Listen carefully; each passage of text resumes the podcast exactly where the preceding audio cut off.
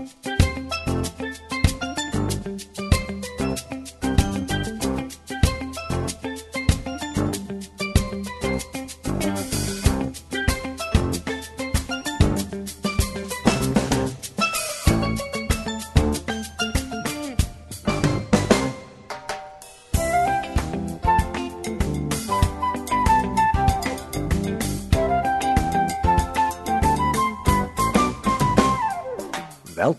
til sendingsna A Bilgelongt. Og i det har vi et tema, og det er borardikløyke og kristendommer. Så jeg vil med at du bare lustar vi ståren av hva.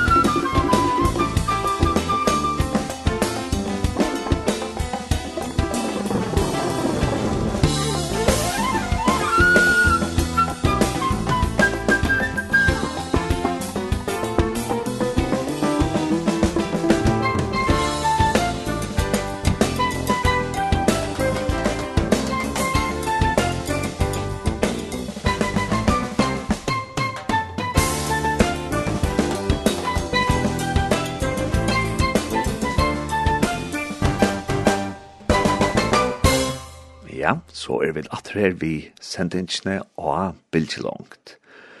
Og i det har vi da et tema som heter Borardikløyge og kristendomren. Og jeg fer først at uh, lese en affær uh, et uh, brot som Rune Rasmussen har skriva om de seitjan Hemsmalene, her som Borardikløygen er det sentrale.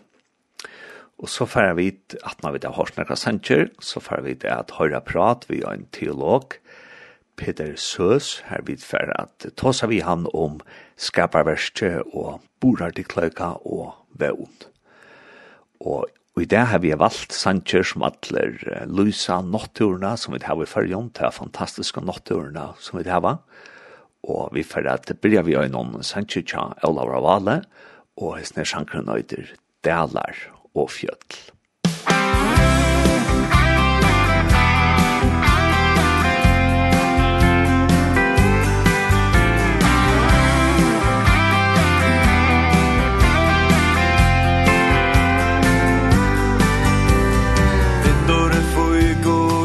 dalar och fjöll Vi med mål det klätte slär Fortlår en kurr och leitar seg sjål Og rekken er uten tja mer Inne vid klokkan sidie Og hukse om farnar tuier Ta vi jingo i fjörone Og fengav og krappar her.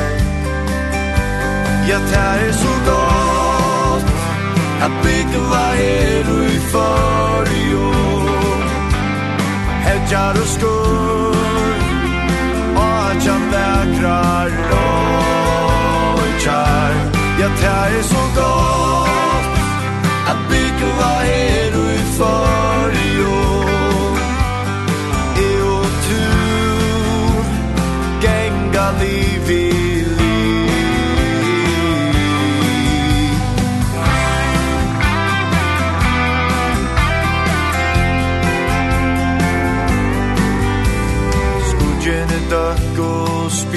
jag se Solen føver kiar fram Fotlor nattor spelar skär Og hitan är känna kan det er så godt Att bygge vad är du i för i år Hedjar Og at jeg vekrar og vägrar Ja, det er så godt Att bygga var her du för jo Är och tur liv i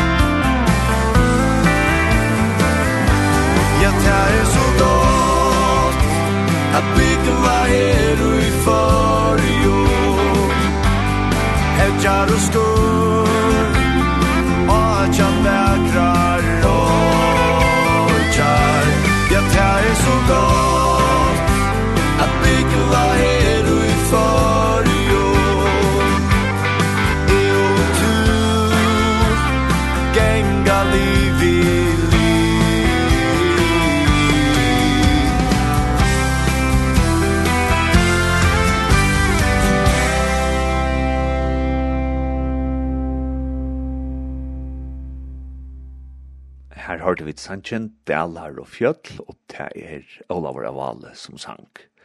Og i det er temaet kristendommer og borar til kløytje, og jeg fer nå at lesa et brått opp som Rune Rasmussen, han er virkjen og i samkomne i kjeltene, han har skrivet etter, og det handlar om heimsmalene, og heimsmalene de heva borardikløyka som omtreningspunktet.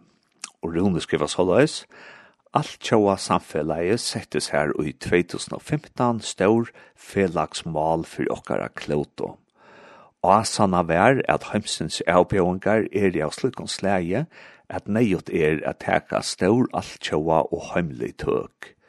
ST samtikt i heste 2015 the 2030 Agenda for Sustainable Development.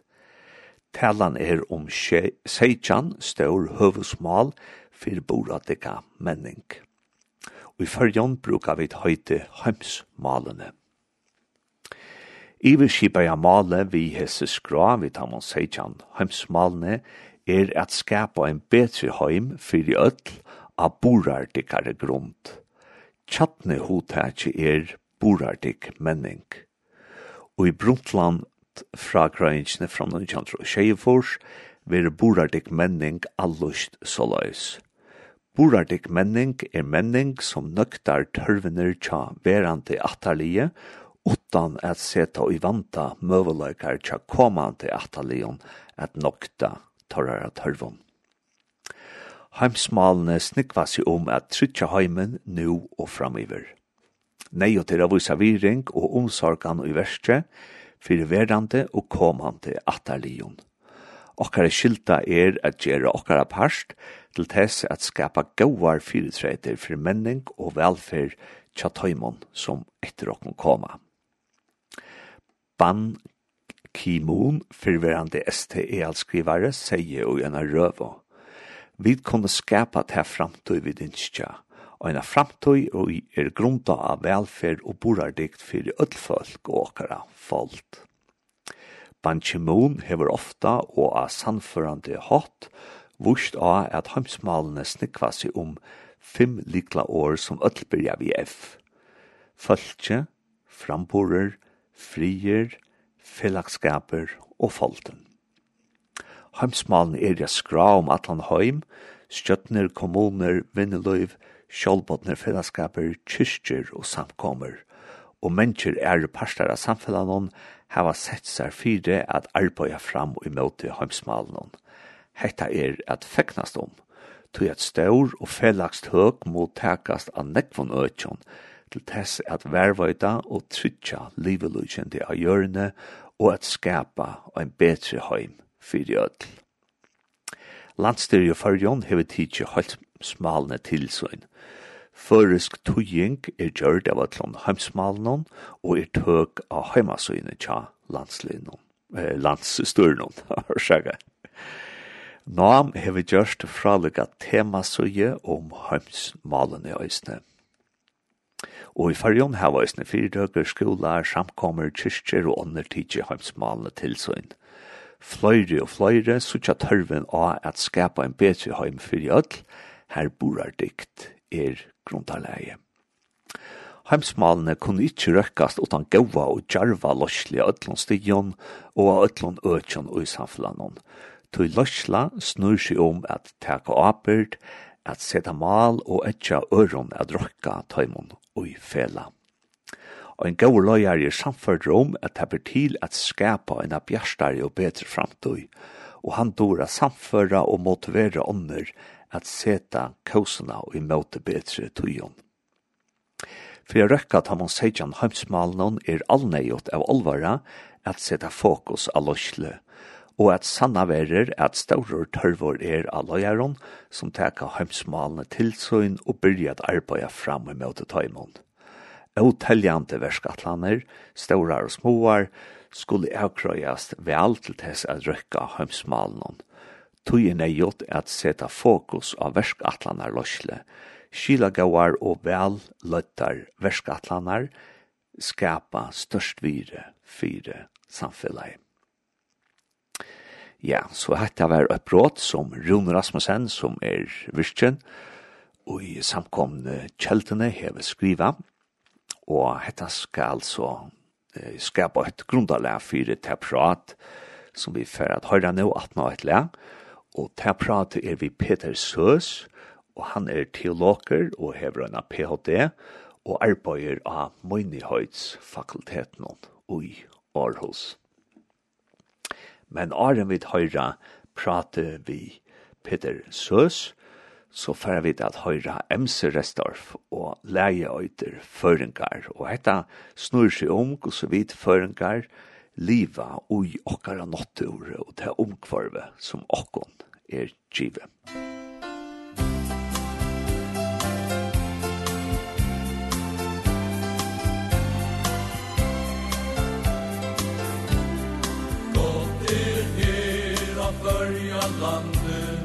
Hva vår livas man om her Og leita je tu buja Tu hans nei van bedre stær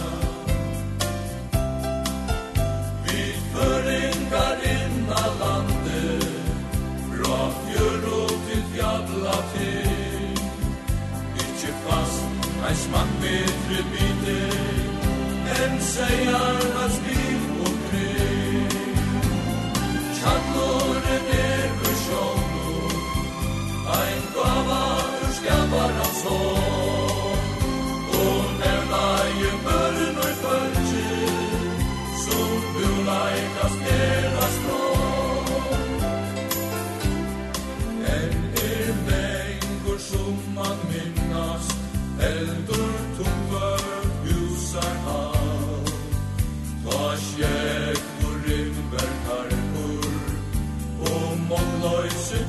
sarva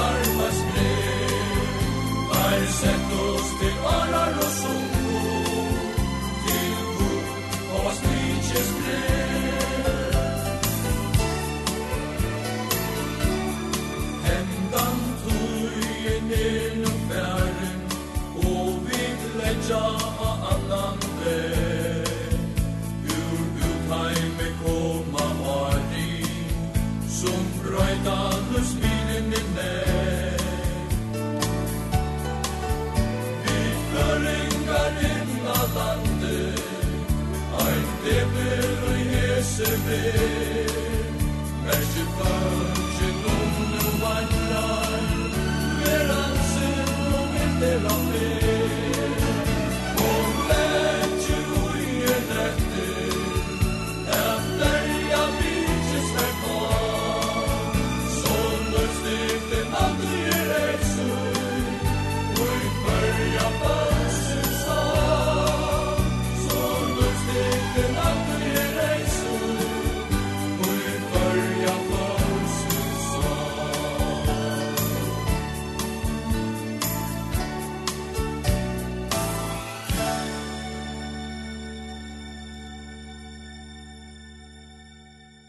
Jeg sidder her med Peter Søs. Han arbejder på menighedsfakultetet i Aarhus.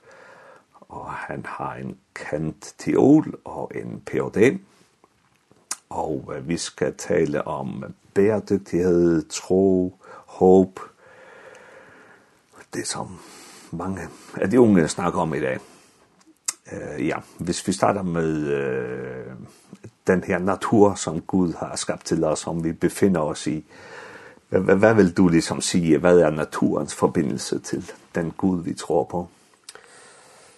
Ja, tak for at jeg må være med her. Naturens forbindelse til den Gud, vi tror på, er jo i Bibelen først og fremmest, eller det første, der er at sige, det er, at Gud har skabt naturen. Gud er skaber, og går vi helt tilbage til 1. Mosebog kapitel 1, så er Der er jo ingen tvivl om, hvis man læser det kapitel igennem, hvad det grundlæggende, der er at sige, er. Og det er, at Gud så, at det var godt, det han havde skabt. Og det vil sige, at der er i kristen tro et ja til naturen som Guds skabning og som villet af Gud, og derfor som noget, som har værdi. Og kigger man lige lidt videre i Bibelen, så er der nogle andre perspektiver, som er ret fremtrædende. Og der vil jeg gerne pege på øh, for eksempel det, som er tydeligt i salmernes bog mange steder, at der er en slags lovprisning af Gud i naturen. Altså at naturen på en måde bare ved at være der og være skabt, er med til at hylde og lovprise den Gud, som har skabt naturen.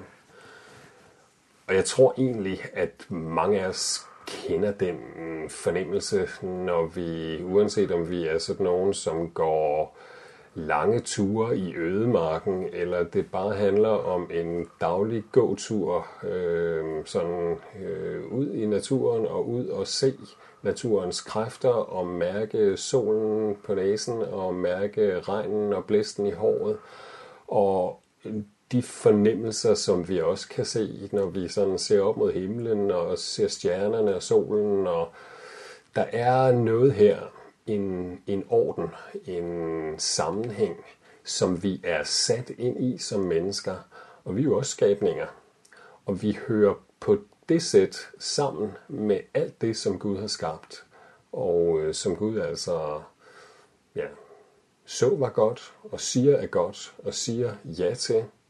Og der er en lovprisning af Gud. Det er lidt som, øh, ja, hvis vi tager for eksempel mm, det, som vi kunne kalde menneskers skaberværker i miniforstand.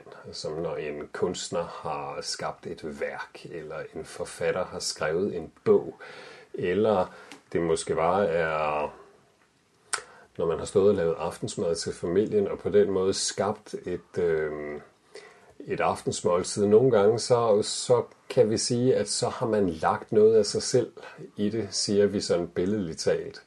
Og det betyder hverken, at jeg er i den øh, grøde sovs og kartofler, jeg har lavet til familien, eller at forfatteren er i sit kunstværk, er en del af det. Men det betyder alligevel, at der er et præg i det, som Gud har skabt, som vidner om, hvem han er og hans storhed. Så det er nogle af de øh, forbindelseslinjer mellem Gud og den natur, som han har skabt, som vi kan pege på det kan man sige øh, meget, meget mere om. Men hvis jeg skulle pege på bare en sidste ting, så er det sådan med naturen, at mange siger om den, at den ligesom er selvkørende, at den består i kraft af sig selv, og at den dybest set må forstås som noget, der har frembragt sig selv eller skabt sig selv. Og det tror jeg ikke er rigtigt. Jeg øh, synes, Tværtimod, at det er sådan, at vi også med øh, alt mulig eftertanke må sige, at naturen er noget, som, som hele tiden får sin energi og sin information og sin orden givet. Altså man kan ikke bare kigge på, hvordan nogle atomer er, og så nå frem til... Øh, et træ eller et dyr eller en solopgang. Der er en tanke bag og en vilje bag og en øh, en åbenhed på den måde i naturen som har noget ved sig også som gør hvor os mennesker lidt øh, lidt lidt stille. Vi øh, kan jo godt ellers gå os mennesker i sådan en fornemmelse af at vi øh, at vi selv har skabt og skaber vores liv. Men øh, det er som, at vi i naturen kan få den der fornemmelse af, at her er der noget, som, er, som der er en, der har givet til os. Og så kan vi få den fornemmelse, som jeg tror alle kender, nemlig at hvis noget er en gave, så har det liksom en mere værdi i forhold til, hvis vi bare har skaffe det selv. Altså, hvis, hvis jeg har fået en skjorte i gave af nogen, så betyder den skjorte noget mere for mig, end hvis jeg bare havde købt den selv. Øh, det er samme skjorte, og den ser ud på, på, på samme vis, men det er som om, at det, at jeg har fået den af nogen, det gør, at det her det bekræfter et fællesskab mellem mig og så øh, den som jeg har fået skjorten af, som giver en glæde og en taknemmelighed og noget, noget ekstra i forhold til, hvis jeg bare styrede det selv. Og noget af det er det også, at naturen vidner om. Og, og, og du siger, at, at, at du tror, at øh, verdenen og naturen, at det ikke er tilfældet, men der står en øh, intention bag. Ja. Yeah Och, og så säger du også att, at Gud liksom upprätthåller naturens gang, Ikke? Ja. Og, og tror du, det er stadigvæk rigtigt? Altså, det, at, at det ikke var sådan, at Gud bare skabte, så var han færdig med naturen, men at han stadigvæk ligesom tilfører, jeg ved ikke, om vi kan kalde det energi, eller skabelseskraft, eller et eller andet. Det tror jeg i høj grad, at Gud stadig skaber. Og øh, det gælder både sådan på det store plan. Når Brorson synger, gik alle konger frem på red i deres magt og vælde. De mægtede ej det mindste blad og sætte på en nælle. Så er det jo et udtryk for den skabertro, at når der er blade på brændnællerne og på træerne, og når vi ser den her natur og sammenhæng, så er det Gud, der vedvarende skaber verden og vi modtager den vedvarende som den gave, han skaber. Så når Gud er skaber, så er det altså ikke bare sådan et eller andet, som foregik dengang han skabte verden, og derefter lod verden sejle sin egen sø, eller sådan noget, så er det et udtryk for, at Gud er nær. Sådan siger Paulus det også. Øhm, han siger det i, i øhm, en tale, han holdt, om vi kan læse den i Apostlenes Gerninger, hvor han siger, at det, at Gud vedvarende skaber. Det er et udtryk for, at Gud ikke er langt borte fra en eneste af os, fordi han vedvarende giver os alt det, han gør som skaber. Og hvis vi hopper frem til sådan en som Martin Luther, så siger Luther i en rigtig, rigtig god forklaring til troen på, at Gud er skaber, at han er den, som giver os alting hver dag, hvad vi behøver. Og det er mad og tøj og sko og naboer og børn og alt det her. Og det er for os, måske i vores moderne tid, det er vores arbejde, vores fritid, det er de ressourcer, vi har. Det er alt det, som vi får som gave af Gud hver dag. Både det, vi har sådan strengt brug for til vores liv, men også, også alt det, vi får af, af overflod. Alt det er hans skabergærning i vores liv. Og, og nu nævnte du selv Brorson, ikke? og hvis vi tænker på Grundtvigs salmer, så var der en stor fokus på i den tid på naturen og det, som Gud ligesom ombarer sig for os i naturen. Ja. Men hvis vi ser på det seneste 50 år, de sange, som er skrevet der, ikke? Så, så er naturen faktisk glædet ud. Hvor, hvorfor tror du, vi har måske som kristne mistet fokus for Eller det var måske slet ikke enig med mig. jeg ved det ikke. Jeg har ikke helt overblik over de sidste 50 års dækning af sanger og salmer. Men jeg tror, at når for eksempel Brorson skriver op al den ting, som Gud har gjort, og hvis vi tager sådan en salmedigter som den norske salmedigter Peter Dass fra, fra, øh, fra lidt samme periode, så har vi... Øh, Måske har de læst bedre i salmernes bog i Bibelen, og fanget mere op på nogle af de temaer, som faktisk i Bibelens egen salmebog er fremtrædende. Det, og der, og der, er, der er det fremtrædende, det med at Guds skaberværk lovpriser Gud. Så vil jeg også sige, at hverken brorserne eller Peter Das stopper der. Fordi man kunne godt forestille sig, at man så skulle skrive sange og salmer, som bare ramsede op, hvad Gud skaber. Men både Brorson og Peter Das øh, sætter det ind i den sammenhæng med den Gud, som har givet sig til kende endegyldigt i Jesus Kristus. Og det hænger sammen med noget, som de har syn for, og som Bibelen har syn for, nemlig at skabelsen ikke er idyll. Og det er det hverken, øh, kan man sige, i Guds skabelse, men først og fremmest fordi, der er jo sket noget. Der er sket et syndefald. Og Paulus kan beskrive det syndefald på den måde, at hele skaberværket er underlagt forkrænkelighed og forgængelighed og tomhed, som Paulus siger det. Og det er sket, fordi mennesket er faldet væk fra Gud og det betyder Ja, jeg læste lige her, faktisk her til morgen, en tekst hos, øh, hos Hoseas, profeten Hoseas i Gamle Testamentet, som siger, at folk er faldet væk fra Gud, og derfor så sørger selve jorden, og fuglene og fiskene lider. Der er en sammenhæng, som handler om, at hvis Guds gode skabelse skal føres tilbage til det, som Gud havde tænkt med at skabe, så, så er det ikke noget, han gør, øh, så at sige, med venstre hånd. Så handler det om, at Gud griber ind og frelser det menneske, som er faldet væk fra ham, og sætter det tilbage ind i den genoprettelse, den frelse, den skabelse, som, som Gud gør igennem Kristus og troen på ham og livet i ham. Paulus han har sådan en, i den der tekst i Romerbrevet kapitel 8, jeg henviste til, sådan en øh, meget tankevækkende formulering.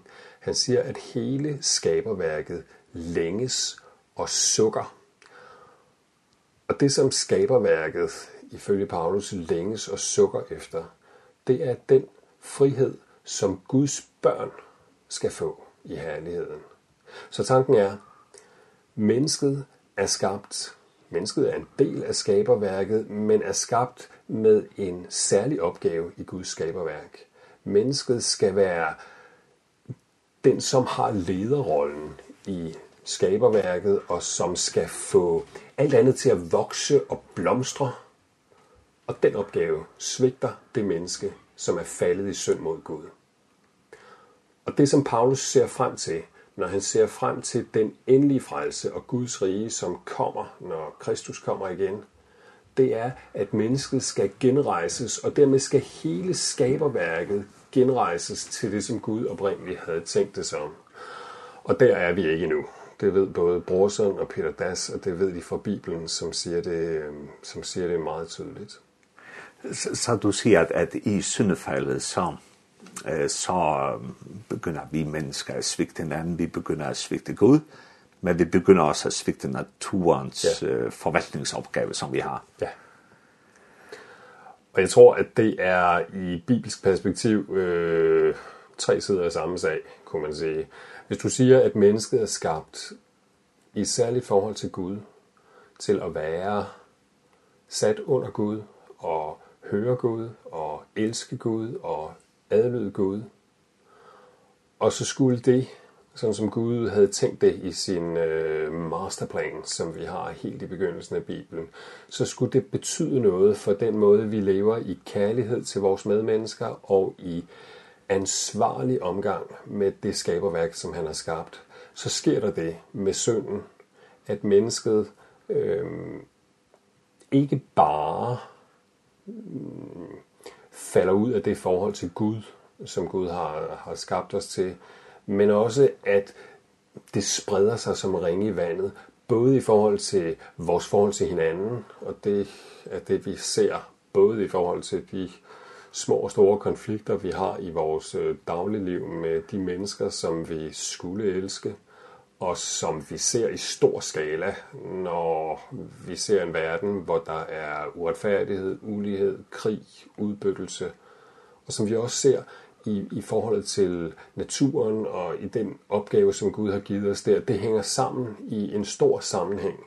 Ehm og det betyder så også, kunne man sige, at at når mennesket svigter Gud, når mennesket lever som en synder med et bibelsk ord, så er det ikke bare sådan et religiøst ord, som angår vores samvittighed og vores forhold til Gud, men det er simpelthen et udtryk for noget, der er gået i stykker, noget, der er brudt i forholdet til mellem medmennesker og i forholdet mellem mennesket og den skabte natur. Og jeg kan huske, da jeg var, da jeg var en helt ung mand, at der tænkte jeg, at når Paulus siger det her med, at jorden er lagt under forbandelse på grund af menneskers synd, og når i virkeligheden i 1. Mosebog kapitel 3, når der står, at Gud siger til Adam, at fordi han har gjort det her, altså oprøret mod Gud, så siger Gud, så skal af jorden være forbandet for din skyld. Og så tænkte jeg, ah ja, jo, det, må jeg, det står jo så i Bibelen, så det må jeg tro på, men jeg kunne ikke rigtig forbinde det med noget konkret. Men der må jeg jo nok sige, nu i vores tid, når vi ser ind i en øh, klimakatastrofe, som er menneskeskabt, og ikke bare som er menneskeskabt, men som er drevet frem af en i virkeligheden er menneskers grådighed. Det tror jeg er langt på vej det her handler om. Det handler om at vi vil gerne gøre tingene billigst muligt for os selv, så vi kan forbruge mest muligt. Og det betyder at vi ved, at det at, at bruge fossile brændstoffer i den, øh, i den udstrækning, vi gør det nu, vi ved, at det ødelægger jorden. Og man spørger, men når vi nu ved det, hvorfor, hvorfor lader vi så ikke bare være? Men, men det har at gøre med øh, grådighed, med begær, med det, som det kan give os, øh, med at det er... Øh, ja, og, og der er simpelthen noget i vores egen nydelse og vores eget forbrug, som vi sætter over vores ansvar. Jeg kan ikke forklare det på, på anden måde end det. Og det bibelske perspektiv på det, det er, at, at det svigt, som vi er vidne til nu på global plan, det har at gøre med, at vi sætter os selv og vores eget forbrug og vores egen nydelse og vores eget begær højere end den opgave, vi har fået af Gud. Det, det, det, det er det, som Bibelen kalder synd. Og ja, og nu har du fortalt om øh, skabelsesberetningen, og du har snakket om, om at det står i salmerne, og Hosea nævnte du også. Og hvis vi så tager det frem til øh, Jesu tid, kan, kan man se noget i evangelierne, hvordan Jesus ligesom omgås naturen. Ja, man kan godt se øh, nogle ting. Jeg har lyst til at sige, at Jesus øh, lever og ånder i Gamle Testamente. Og det, som er hovedtemaet i det, som Jesus forkynder og øh, lærer sine disciple, det er Guds rige. Han taler om Guds rige. Og det taler han om med mange lignelser og billeder. Han øh, han taler primært om det i det som det her betyder for vores forhold til Gud og øh, så for vores forhold sådan til hinanden. Øh, så på den måde kan man sige at naturforvaltning øh, og øh, ansvarlig omgang med naturen er ikke noget tema, som er særlig fremtrædende på den måde, som Jesus taler om det på. Men man kan se en del steder, at han helt bekræfter det, som vi kender fra Gamle Testamente. Øh, for eksempel i Matteus evangeliet kapitel 6, hvor Jesus øh, taler om at bekymre sig og siger, at vores liv det afhænger af Gud, og han siger, at vi skal ikke bekymre os for vores liv og for dagen i morgen. Og så nævner han nogle eksempler. Han nævner blomsterne og fuglene. Fuglene først, som han siger, at dem har Gud omsorg for. Og Gud giver dem hver dag, hvad de behøver. Og så nævner han liljerne på marken, og han siger, at det er Gud, der klæder dem. Gud klæder, siger han endda, markens græs Og på den måde så peger Jesus på, at det som vi skal på en måde finde ind i som Guds skabninger, det er et forhold til Gud, hvor Gud giver os, hvad vi behøver, ligesom han gør med blomsterne og fuglene. Og Jesus spiller helt tydeligt der på salme 104 fra, fra salmernes bog, som har noget af det her som tema. Så det er et eksempel. Jeg kunne også godt nævne, at det som Jesus gør, når han griber ind med sine... Tit er det jo helbredelser, når han gør undergærninger. Og så er det også for eksempel ved to anledninger er der laver han det som vi tit kalder et bespisningsunder, altså hvor han giver mad til sultne mennesker i stor skala Og der er også i Johannes evangelie kapitel 2 nævnt, hvor han giver vin til en bryllupsfest, hvor vinen var ved at slippe op. Når Jesus gør det her, så både når han helbreder og på en måde sætter livet tilbage til det, som det var skabt til at være. Og når han af lidt brød laver meget brød, og af to fisk laver en hel mængde fisk, eller øh, ja, ved en anden lejlighed, så er det lidt andre tal, men det er lige meget her. Det er på en måde det, som je, je, på en måde gør Jesus i kondenseret form. Det, som vi gør, når vi sår et korn og høster meget korn til brød eller som fiskene gør, når de bliver flere og flere ved Guds skabermagt, og på samme måde med vinunderet. Forfatteren C.S. Lewis, han siger, at der står i Johannes evangeliet kapitel 5, at Guds søn gør det, som han ser sin far gøre. Og det er præcis det, Jesus gør, når han gør sine under. Man kan prøve at sammenligne med... Øhm, ja, der var i min ungdom en indisk guru, som hed Sai Baba, som blev vældig, vældig berømt for de mirakler, han gjorde som væsentligst bestod i, at han hældte tonsvis af aske ud fra øh, de scener, hvor han optrådte. Og det er jo ligesom det stik modsatte af den måde, Jesus agerer på. Altså aske, hvad i alverden skal man med aske? Det er jo på en eller anden måde et symbol på noget, der er forbrændt og noget, der er gået til. Og for sig skulle han bare vise ligesom overnaturlig magt. Men det Jesus gør, det er, at han genopretter Guds skabelse i alle sine gerninger og i det rige, som han både taler om og som han siger er kommet i hans person og som han kalder mennesker ind i. Og hvis vi så skal sige, hvordan vi i dag, 2000 år senere, skal se på Jesus, så er det jo også en, et kald og en opfordring og en udfordring til os om at blive taget ind i det, som han bringer. Guds rige, det er noget, som kommer en gang i fuld skala efter kristens ro, når han kommer igen. Men allerede nu, så lever vi på en måde bestemt af det rige, som kommer. Hvor Guds skaberværk skal genoprettes ved Jesus, og det skal sætte sig igennem allerede nu i vores omgang med Guds skaberværk. Jeg kan lige tilføje, at indimellem så har jeg hørt kristne sige noget i retning af, at at efter kristen tro, så går verden jo alligevel under. Så det kan vel være lidt lige meget, hvordan vi lever i den nu, og hvordan vi passer på den nu. Det kan, vi kan vel bare øh, øh, øh, flyve i privatfly og køre i store dieselbiler og øh, være ligeglade med, øh, med jordens klima og miljø og, og, og livet i havene, for det hele går jo alligevel under, og så, så kommer himlen men det er fuldstændig uden kontakt til bibelsk tro.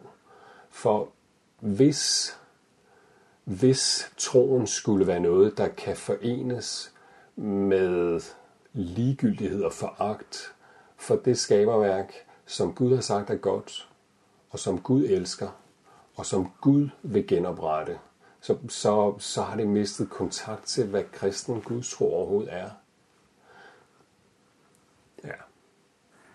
eh så tänker jag lige med med när jag är sport med Jesus, ikke? Jag vet om min observation är riktigt. Det kan du måske tänka lite över, men men jag syns att många av hans lidelser är liksom bruger billeder fra naturen. Selvfølgelig er der også der er brylluppet og der er mm. mm.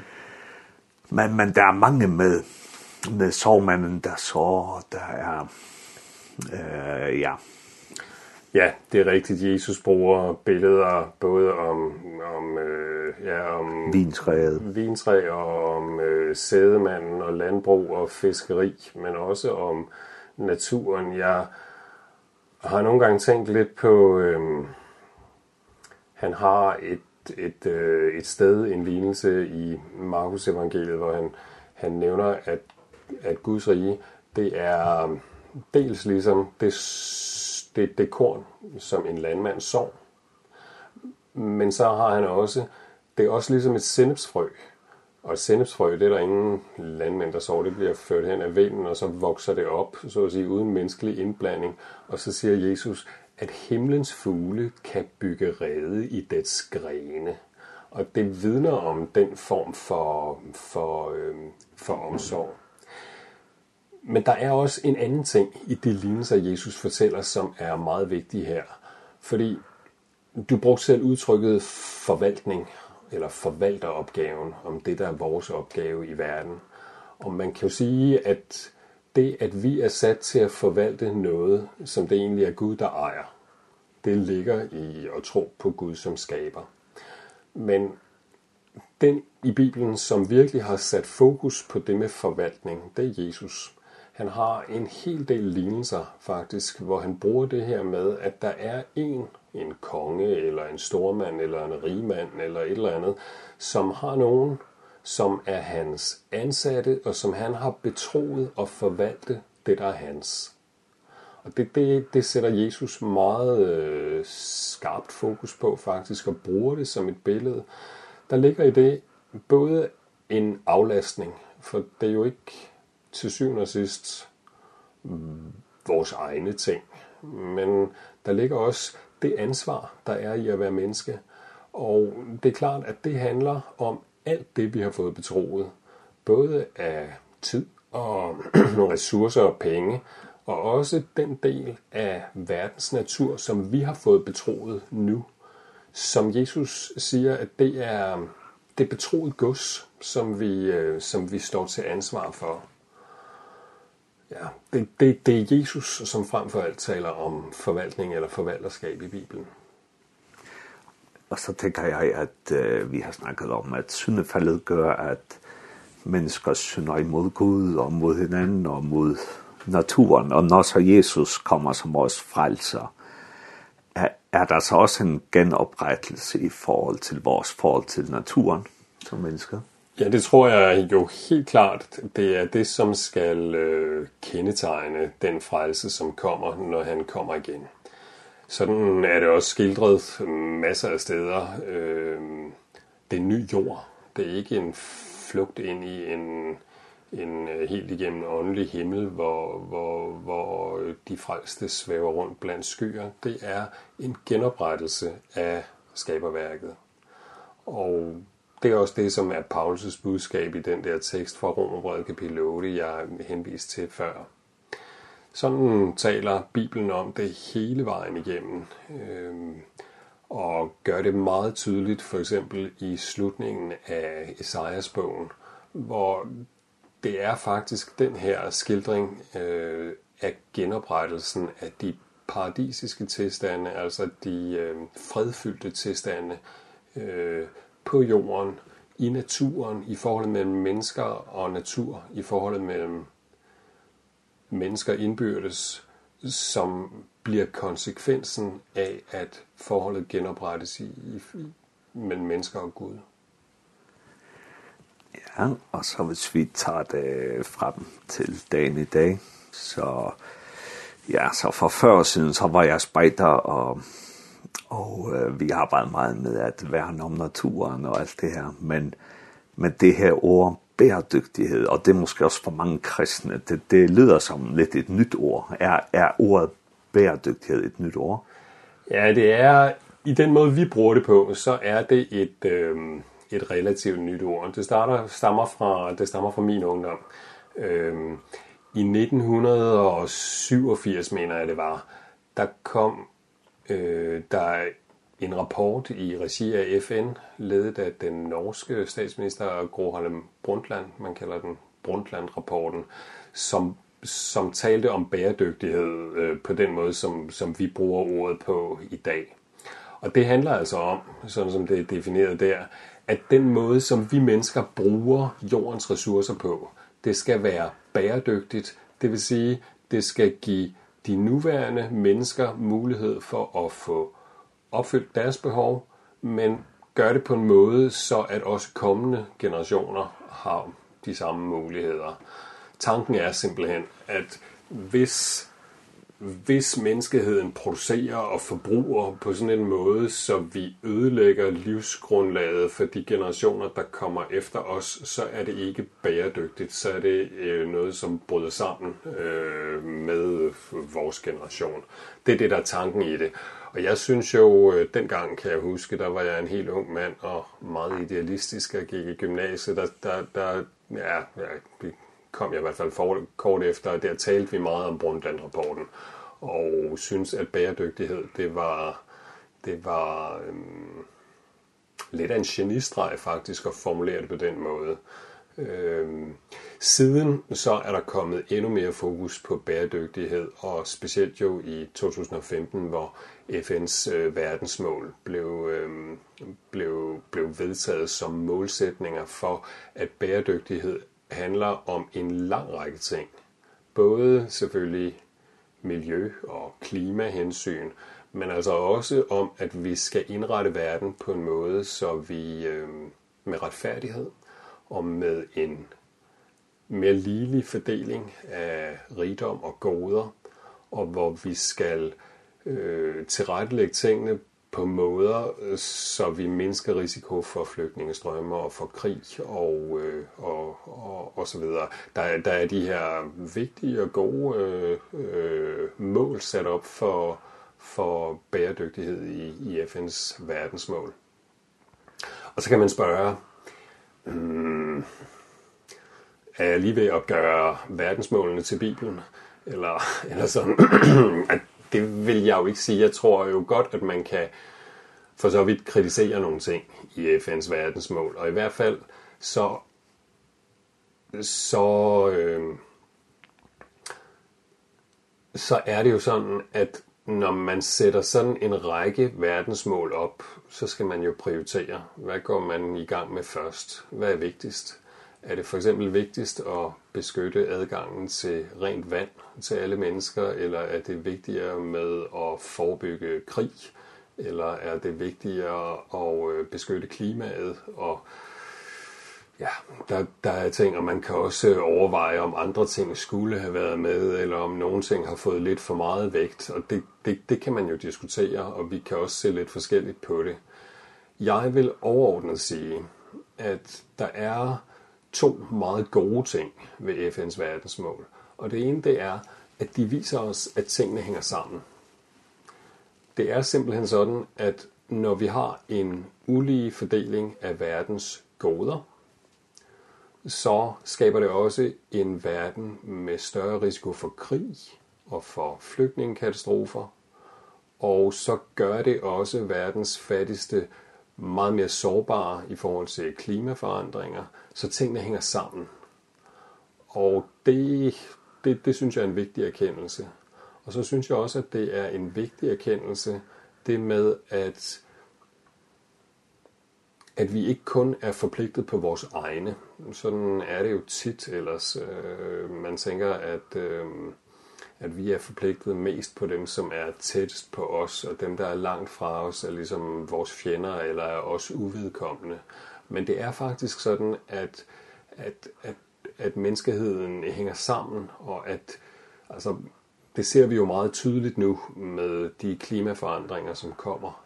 De er jo grænseoverskridende. Det er ikke sådan, at der kan være klimaforandringer i Danmark, men ikke i Frankrig. Og det er endda sådan, at, at de mennesker, som er fattigst i verden, også ofte bor steder, hvor de vil rammes hårdest af, af, af klimaforandringerne. Så det er nogle gode ting ved, ved, øh, ved bæredygtighed, og sådan som det er formuleret i, i verdensmålene. Så kan man jo spørge, er der noget, der mangler, sådan fra et bibelsk eller et kristens synspunkt? Og det er der. Og det, der mangler, det er den inderste virkelighed i det her. Jeg prøvede at sige før, at det der sker, når menneskets forhold til Gud går i stykker, det er, at så går menneskets forhold til medmennesker og til naturen og forvalteropgaven også i stykker. Og verdensmålene fokuserer jo kun på forholdet mellem mennesker og forholdet mellem mennesker og natur. Det er som om, at den inderste virkelighed i det her, der hvor en virkelig helbredelse i stor skala af det, der er galt med verden, øh, kan komme på tale, og som kommer den dag Kristus kommer igen. Det er jo uden for horisonten i, øh, i verdensmålene. Men så betyder det jo så, for, for mig som et kristen menneske, som, som tror på Kristus og ønsker at leve mit liv i efterfølgelse af ham og i forvaltning af de opgaver, som, som, som skaberen har betroet mig, så betyder det jo, at, at, at det giver et andet perspektiv på arbejdet for bæredygtighed, end det, som præger rigtig, rigtig meget af, af det der perspektivet. Fordi jeg synes, jeg har ligesom kunnet jagtage to ting, når jeg læser aviser og ser på tv og sådan noget. Der, der, der er nogle mennesker, typisk dem, som er lidt yngre end mig, som er næsten desperate, og som tænker, at det, som vi ser, det er, vi har meget, meget, meget lille chance for at redde verden, og øh, øh, alle andre hensyn må vige, og der er sådan en desperation og en vrede og en håbløshed, som kan komme ind over det her. Og så på den anden side, så ser jeg nogen, som, som siger noget i retning af, at øh, det er alligevel for sent, og det nytter ikke noget, og hvad kan, hvad kan vi i vores lille del af verden, det flytter jo ingenting, det, de store forureninger sker i Kina eller i USA, eller hvor de store udledninger af CO2, og, og så kan vi lige så godt æde og drikke, for i morgen skal vi dø, sådan siger de ikke, men sådan, sådan kendetegner Paulus et sted i første går ind og brev den måde at, at, at, at, se det på. Så kan det være lige meget, så kan vi lige så godt frelægge os ansvaret. Men det, som jeg som kristen menneske lever i, det er en vidshed om, at Gud faktisk vil genoprette sit rige. Og det bliver en genoprettelse af den skabte natur. Og det bliver en verden, hvor der er økologisk balance, og hvor der ikke er den der rovdrift på jordens ressourcer og øh, skubben skaberværkets øh, sammenhæng ud af balance for menneskeligt begærs skyld. Og det som er mit liv nu, det handler ikke om, at jeg skal frelse verden. Det overlader jeg til Kristus. Men det handler om, at jeg får lov til at leve ud af den virkelighed, som kommer. Ud af det rige, som han kommer med nu. Og så kan jeg jo gøre det med... Øh, uden den desperation og håbløshed og øh, næsten sådan forkrampet vrede, som jeg synes, man kan se hos nogle af de mest yderliggående i klimabevægelsen. Men det handler om at leve Ja, det handler om for mig at forenkle mit liv. Det handler om at leve og tilrettelægge mit forbrug øh, og min måde at leve i verden på øh, ansvarligt. Og jeg kan jo gøre det ud af glæde og taknemmelighed til Kristus over det, som han vil give, når han kommer. Og jeg kan også gøre det i bevidstheden om, at det vigtigste i mit liv er alligevel ikke, hvor mange røde bøffer jeg kan få sat til livs, eller hvor mange flyrejser jeg kan komme på. Det er ikke der, min dybeste glæde er. Den er, den er i ham og i det, som han giver. Og det betyder, at ja, vi kommer til at skære ned på antallet af flyrejser og på hvor mange luksusvarer vi forbruger. Men det behøver ikke at koste os livsglæden der er masser af muligheder for ægte livsglæde, ægte sunde, gode oplevelser af natur og fællesskab og alt muligt godt, øh, som, vi kan, som vi kan nyde i virkeligheden. Så tror jeg, at der er større lykke i det, og større glæde i det. Øh, i virkeligheden tror jeg, at det der med at skulle kunne rejse udenlands med fly fire gange om året og øh, en stor firehjulstrækker og sådan noget, det er slet ikke der, den virkelige glæde i livet er. Og det er jo, ja, det er noget, jeg har lært af Kristus, og, og derfor så, så er det et, et andet fortegn for arbejdet med... Øh, med bæredygtighed og klimaansvarlighed end end hvis det hvis det bare handlede om øh, sådan at ansvaret for at frelse verden lå på mine skuldre og det kunne jeg kun øh, løse ved at gøre mit liv frygteligt surt. Men så altså den den, den tone øh, og der der tror jeg der tror jeg at mennesker som følger Kristus hmm,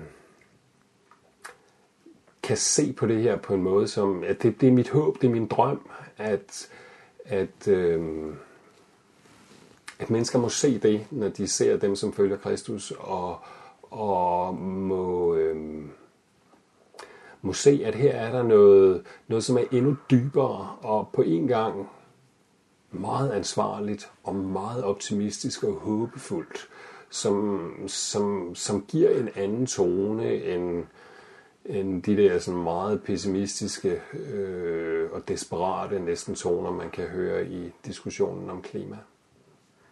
Ja, meget spændende, Peter. Vi kunne snakke i flere dage, men... Øh, det kunne vi, det har vi så ikke mulighed for. Nej, men jeg har så et sidste spørgsmål for at afslutte vores interview, og det bliver et langt opløb, så, øh, så jeg kan godt høre, at, at du synes, at vi skal gå ind i... Øh, klimadiskussionen som kristne, og du har selv skrevet en artikel i en bog, der lige er kommet ud. Det kan jeg linke til på vores hjemmeside. Øh, men øh, ja, men, men når vi så måske går ud øh, ind i det her emne, ikke, som vi måske ikke har gjort øh, i, i lang, lang tid, altså, så kan vi måske gå to veje. Du har selv gennem det her interview, så har du snakket om det, som Gud har skabt, og hvordan øh, syndefaldet har også faldet naturen, og hvordan Jesus genopretter det ja. hele, ikke? Og det vil sige, nu kommer vi ind i kernen af evangeliet. Men den anden grøft måske er, at hvis vi som kristne går ind i det her, så, så fortaber vi os kun i, i naturen og øh, det skabte, og så måske vi udvander lidt øh, vores evangelie eller sådan. Hvordan synes du, hvordan skal vi gå ind i det her emne for, får tungen midt i munden. Ja, jeg forstår godt uh, spørgsmålet. Altså, kan man blive så optaget af kampen for jordens miljø og klima og bæredygtighed, at man mm, glemmer, hvad kristendom er øh, inderst inden? Øh, jeg har lyst til at sige til det, at jeg har talt med ganske mange mennesker, som oplever klimaskyld og klimaskam. Mennesker i vores rige del af verden, yngre mennesker i dag. Og jeg tror, at min opgave der nogle gange har været at række Guds tilgivelse, som Kristus vandt ved sin død på korset, til mennesker, som oplever skyld på grund af deres handlemåde her. Og det siger mig, at der er ikke nogen modsætning mellem det her.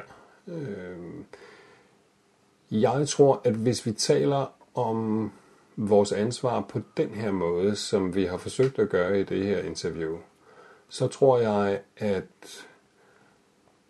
så tror jeg faktisk ikke, at, at det bliver noget enten eller enten Kristus og hans tilgivelse og hans død på korset og hans opstandelse og ellers ansvarlig livsstil. De her to ting hænger tæt og intimt sammen.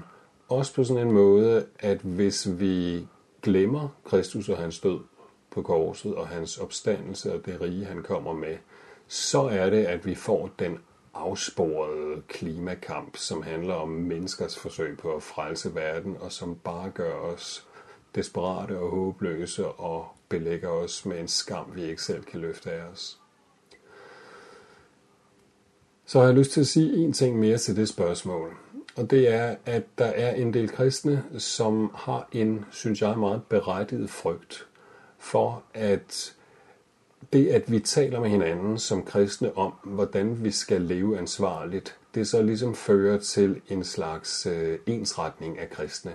Sådan at mm, kristne kan måske øh, tilstedes at spise 10 bøffer om året, men spiser man flere, så er det synd og, eller sådan den slags ting. Altså man kan forestille sig, at man ligesom går farisæisk til det her, og prøver at sætte regler op for hinandens samvittigheder. Og sådan må det ikke være her. Det er sådan, at Gud har givet os de ti bud, og så har han givet os vores øh, sunde fornuft og ansvarlighed og kreativitet. Og det er sådan, at når det handler om de ting, som vi har ansvar for over for Gud og over for hinanden, så er der vide rammer for et personligt skøn, og også for at kristne skønner forskelligt. Og det skal vi kunne rumme her, ligesom vi skal kunne det, når det handler om vores forhold til penge, for eksempel. Øh, der er ingen tvivl om, at Jesus kalder kristne mennesker til at være gavmild med deres penge. Også gavmild på sådan en måde, så at... Øh, hvis man følger ham, så bliver man fattigere, end man ellers ville have gjort, fordi man kommer til at give nogle af de penge, man har væk. Men det er ikke sådan, at Jesus giver faste beløbsgrænser og siger, at så og så mange procent af indkomsten skal enhver kristen give, eller sådan noget i den stil. Der overlader han rigtig, rigtig meget til personligt skøn, og hvor der også er plads til at skønne forskelligt. Og så tror jeg, at nogle kristne kan være lidt bange for, jamen kan der komme lidt ensretning ind i det her? Specielt hvis man ser på nogle af de klimabevægelser, der har været, hvor de næsten har samme tøj på, og hvor det virker som om, de prøver at frelse deres egen samvittighed ved øh, en meget, meget ensartet livsstil og overgår hinanden i at være mest radikal. Og det skal vi da ikke have ind i kirken. Nej, det skal vi ikke. Men vi skal kunne tale om det Ligesom vi skal kunne tale med hinanden i kirken om, hvordan vi forvalter vores penge, også i bevidsthed om, at vi når til lidt forskellige skøn her, men vi er sammen om, at vi følger Kristus, og vi ved, at det betyder, at hele vores liv, ikke bare lige tre punkter, som vi ligesom kunne sige var den kristne livsstil, men hele vores liv, der forsøger vi at følge ham og være ansvarlige over for det, han har betroet os at leve ud af, af den glæde og det håb, som han har givet os ved at tage os ind i det, som han har gjort for os. Gönce um hayar fiat godet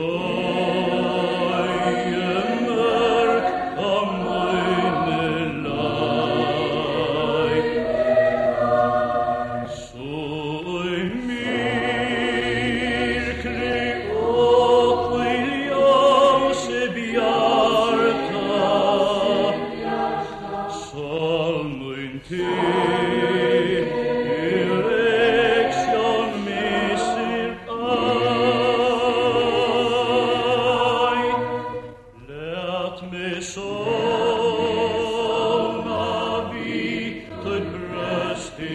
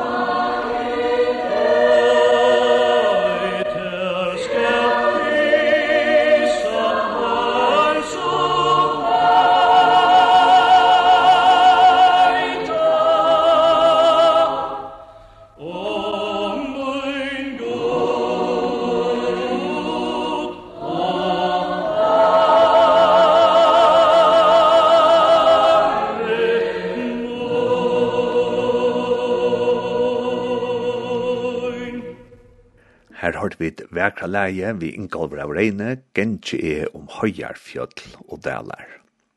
Og arent her så hørte vi da et prat vi Peter Sjøs, som er teologer og PhD, og hetta snues jo om natturna og skaparverskje. Og i samband med det så har vi valgt Atla Sanchur der til å snekva seg om skaparverskje. Og nå får vi da høyra Marsten Johansen, og og leie som vi får at høyra Martin Johansen vidt til å etter Blika Lokn.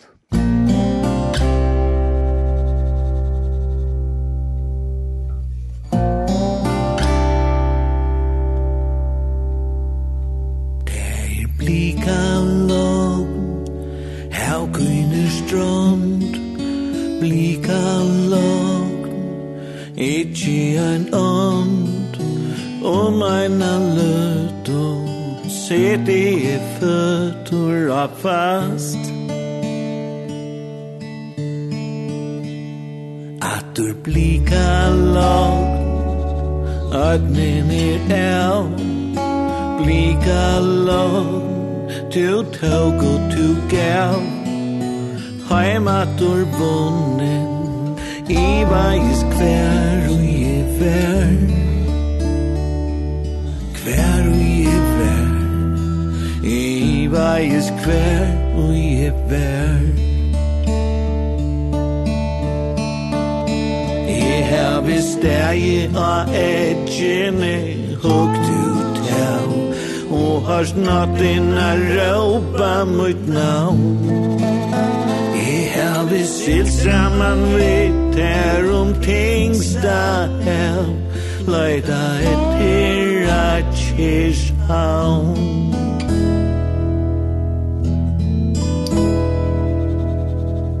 Nu er blika lag Vajen er kyrr. Blika lag Salen er kvir. Atur og sløtt tu heldur løgina fram. Mm, Løgina fram. Tu heldur løgina fram. I har stegi og edgjene Og du tel Og har snapt inna råpa mot navn her vi sitter man vet her om tings da hell Leida et pirachis havn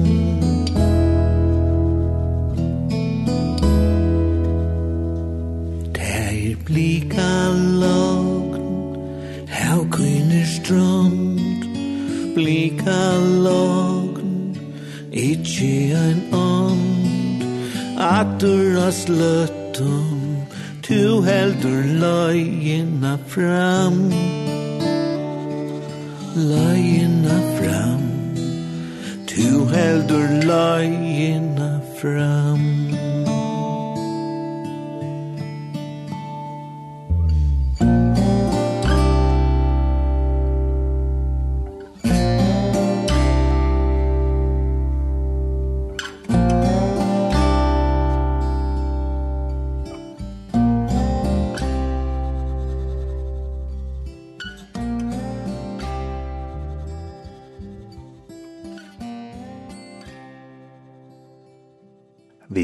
Martin Johansen vi lennom Blikalåken.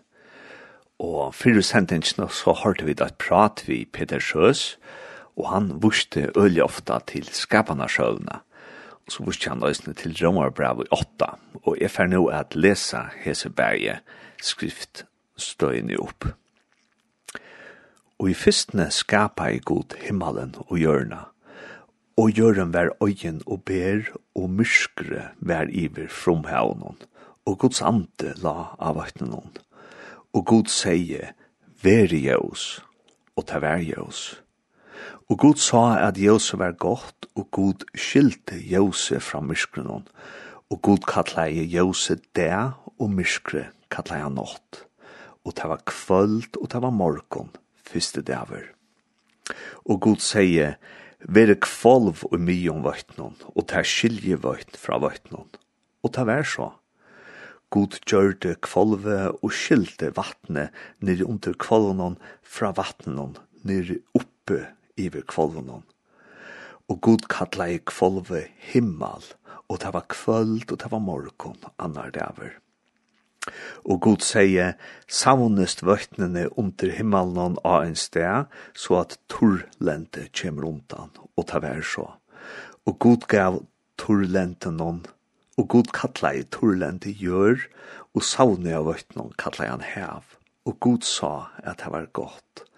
Og Gud sier, Gjørna lette sprekta av seg her grønt græs, orster vi fræg ui, og alt en trø som kvørst ber avvekst etter sunnen kine vi fræg ui av gjørene, og ta vær så. Gjøren, eh, og ta var kvöld, og ta var morgon, tre daver.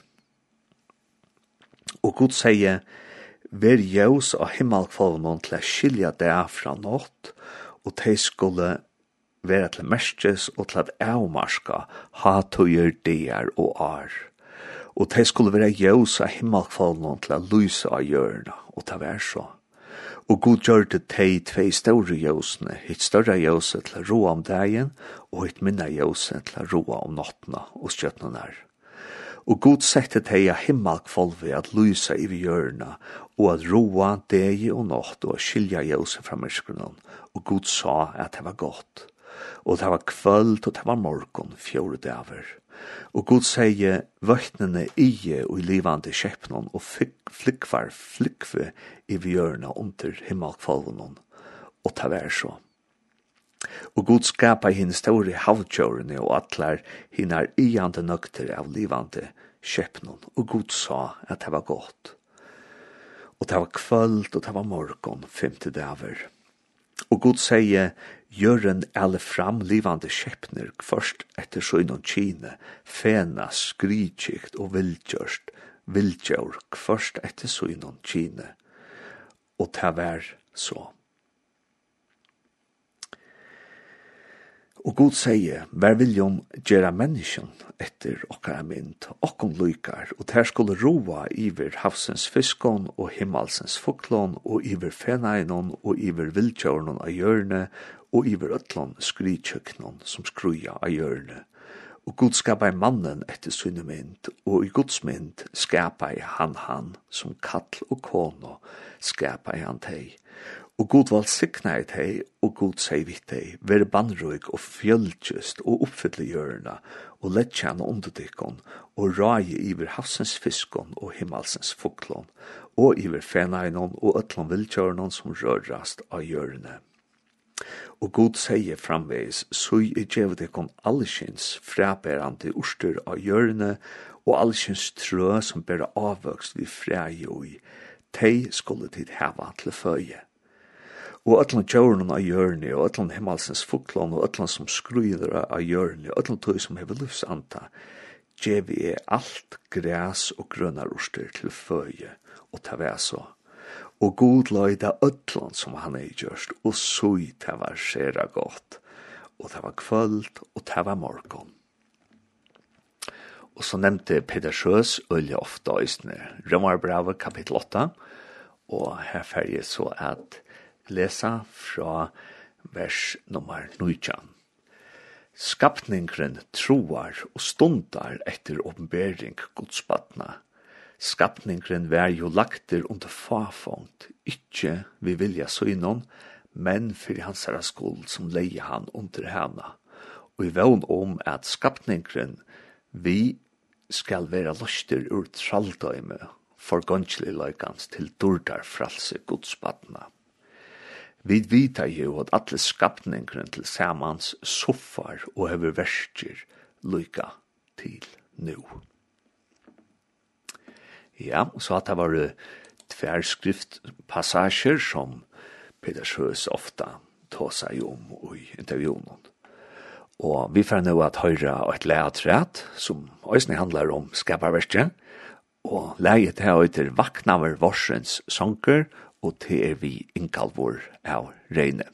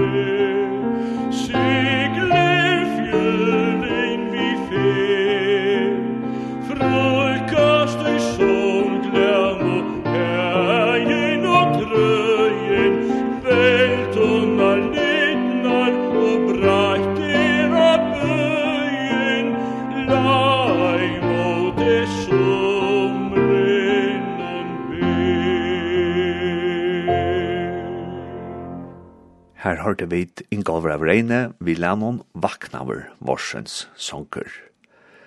Og hetta var så enden av Bilge Langt i morgon. Henta sendingen var enda sendt i kvöld klokka 19.30 og i natt klokka 4 og kommande leier det. Og isne kan hon høyra som potvarsp av nærum ötlom potvarsp-plattformen, løyda bare etter Bilge Langt. Så jeg ikke kom bare en valgsikning av det her vidt, så man kunne njøta Guds skaparversk i natturene og og i taimon bojon som god hever givi okkon evne at bytja opp og i okkar likame som god hever givi okkon og ikkje minst i okkar anta tog jeg god gav okkon bæje likam, sal og anta. Hau da godt, öll sammel. Musik